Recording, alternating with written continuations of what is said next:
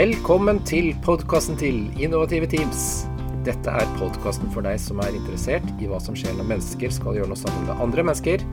Enten du er leder eller ikke, om du jobber i team eller ikke, eller generelt sett bare er interessert i hvordan mennesker fungerer sammen. I podkasten vil vi presentere det siste fra forskning og praksis på temaer som team, endring og ledelse. Mitt navn er Frode Heldal. Jeg jobber til daglig som førsteamanuensis ved Handelshøyskolen NTNU Trondheim. Sammen med Endre Sjøvold, Hei, hei, Frode. daglig leder SPG-institutt og professor ved industriell økonomi NTNU. Og orlogskaptein Stein Hatlen Forsdal fra Sjøkrigsskolen Hallo, Frode. skal vi presentere intervjuer med ledere, intervju med aktuelle forskere, og ikke minst presentere egen forskning på området.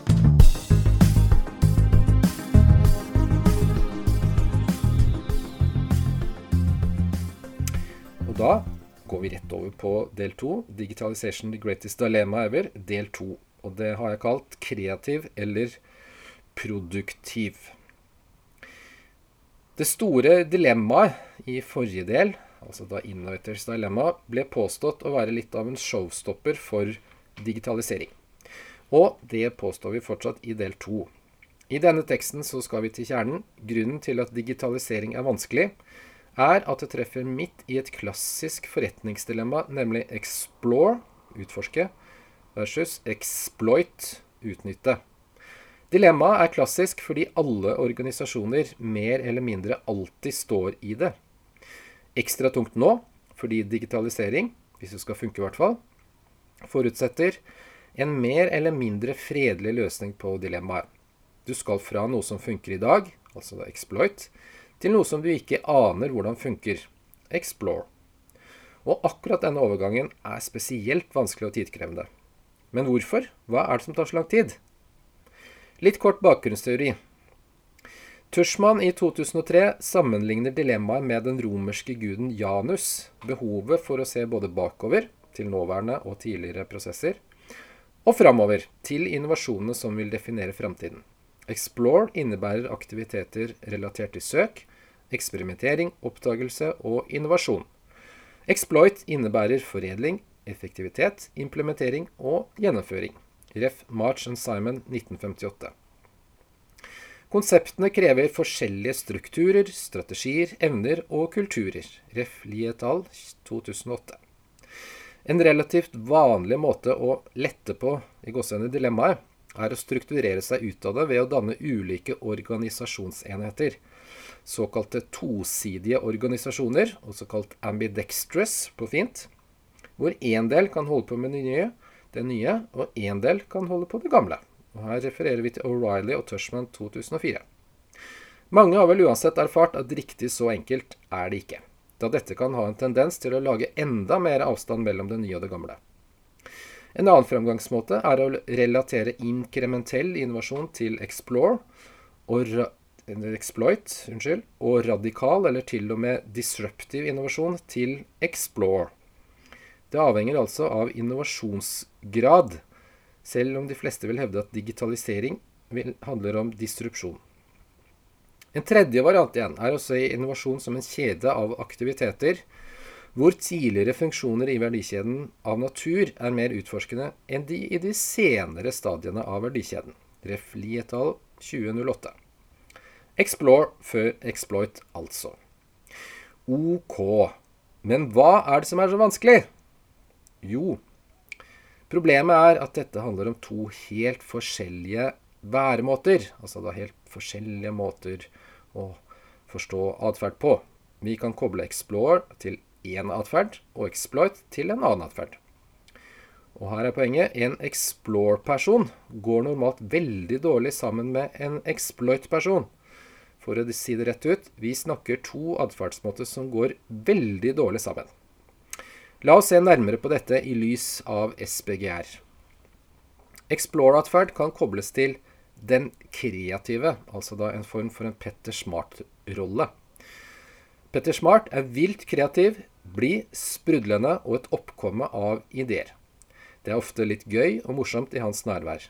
Men ideene er ofte litt vel kreative. De mangler litt feste i virkeligheten, og bærer preg av å være utviklet for teknologiens egen skyld. Ideene utvikles og ferdigstilles som oftest alene inne på oppfinnerkontoret. Til tross for at han holder seg mye for seg selv, er Smart en varm person som vil det beste for alle. Exploit-atferd kan kobles til den produktive, en form for en onkel Skrue-rolle. Onkel Skrue er traust, gnien, sur og firkantet. Bunnfast, solid og ærlig, men ikke overveiende opptatt av andres ve og vel. Ikke så mye sitt eget heller, faktisk. Mer om hvor mange penger som kan ligge i bingen. Skrue er strengt rasjonell og kjølig, til og med overfor egen familie. Lure ideer er ikke lure før de har bevist sin kraft til å tjene penger. Selv om Skrue er ufølsom overfor andre, kan han være ganske kraftig emosjonell, spesielt hvis det står penger på spill. Da er raserianfallene tydelige og høylytte.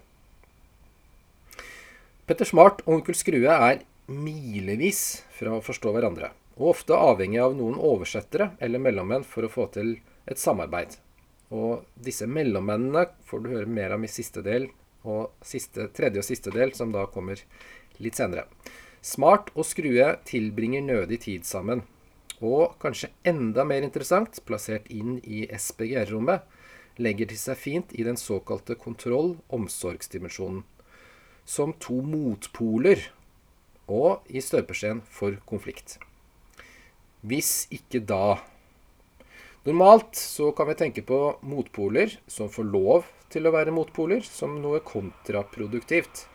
Og de motpolene vi snakker om her, er en av de vanligste tidstyvene vi har i norsk arbeidsliv. Den lure ivrige som ser lyst på tilværelsen og vil gå for den nye hippe teknologien, kontra den litt kjedelige møtereferatskrivende regelrytteren som syns at skomakere skal stå ved sin lest. Så er krangelen i gang. Og strategimøtet handler mer om at disse to diskuterer, enn det man egentlig skulle diskutere. Når skal vi ta spranget? Men så har vi disse få tilfellene hvor den kreative og den produktive får til å snakke samme språk, og da skjer det gnister. Fiender blir ikke nødvendigvis venner, men samarbeidsmessig sett til litt av et power couple. Et av forretningsverdens mest kjente power couple er to stiver, nemlig Wozniak og Jobs. Og la oss se litt nærmere på nettopp uh, Woz og Jobs. Virkelighetens Petter Smart i Apple var nemlig Steve Wozniak. Susan Kane i boken 'Quiet' fra 2012 beskriver han slik. Introvert, litt sky og forholdt seg mye alene. Kunne ofte ikke vente med å komme seg hjem til garasjen for å jobbe med kretskortene sine. Og selv om han var tydelig introvert, var han glad i mennesker. Jeg ønsket bare å bli kjent med interessante mennesker, slik som Steve Jobs, er han sitert på. Han brydde seg lite om utseendet og hvilke klær han hadde på seg. Snill og sympatisk, vil andre vel, men teknologien står i første rekke. Og, som Kane hevder, ekstremt kreativ, men på engelsk 'wanting nothing to do with fame and money'. Explore.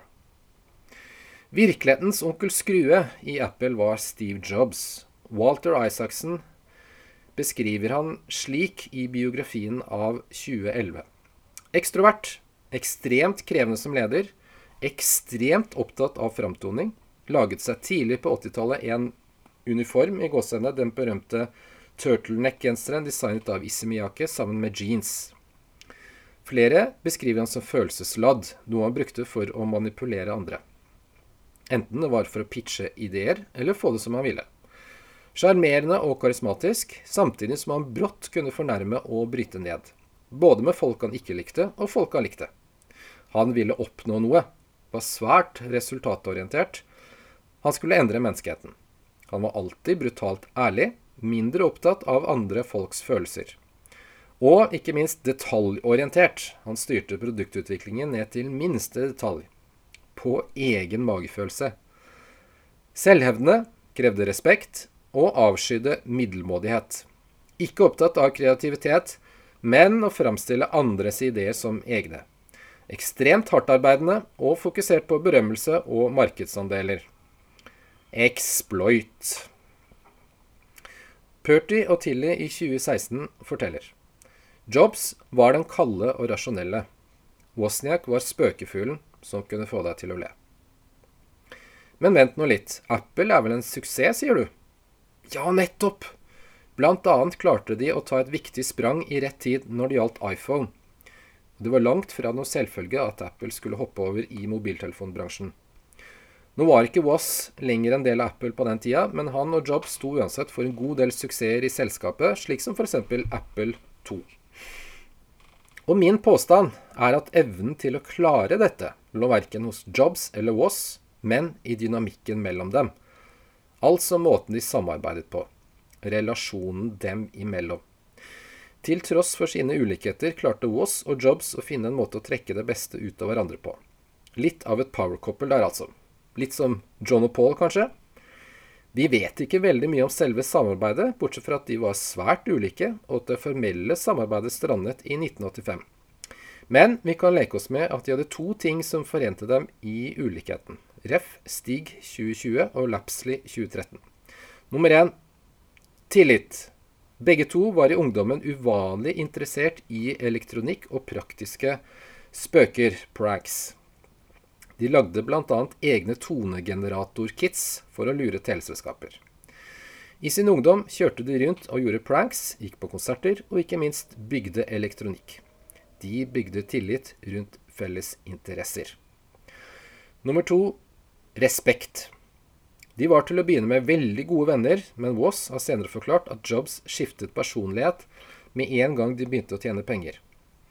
Til tross for at vennskapet som sådan forvitret, næret de hele tiden en dyp respekt for hverandre og hverandres evner.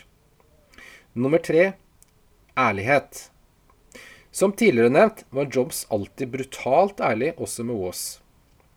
Waas var ikke ærlig på Jobs ekstroverte måte, men på sin introverte væremåte visste du alltid hvor du hadde han. Han hadde ikke noe problem med å forlate sosiale sammenkomster eller møter for å trekke seg tilbake hvis interessen ikke var der tilbake til garasjen. For å kunne gjennomføre en disruptiv endring, slik som digitalisering vil være for mange, må balansen mellom explore og exploit utfordres. For de aller fleste vil det si å lene seg mer, eller kanskje til og med hoppe over, mot mer explore-atferd. Dette igjen betyr at skruer og smarter må finne nye måter å samarbeide på. Nye måter å snakke sammen på. Nye måter å forstå virkeligheten på for ingen av dem klarer seg alene. Så er det det at i en organisasjon vil det finnes litt flere roller enn bare to. Det er ofte noen rundt som påvirker at parrester blir enten fiender eller power couple. Og mer om disse andre blir det i tredje og siste del.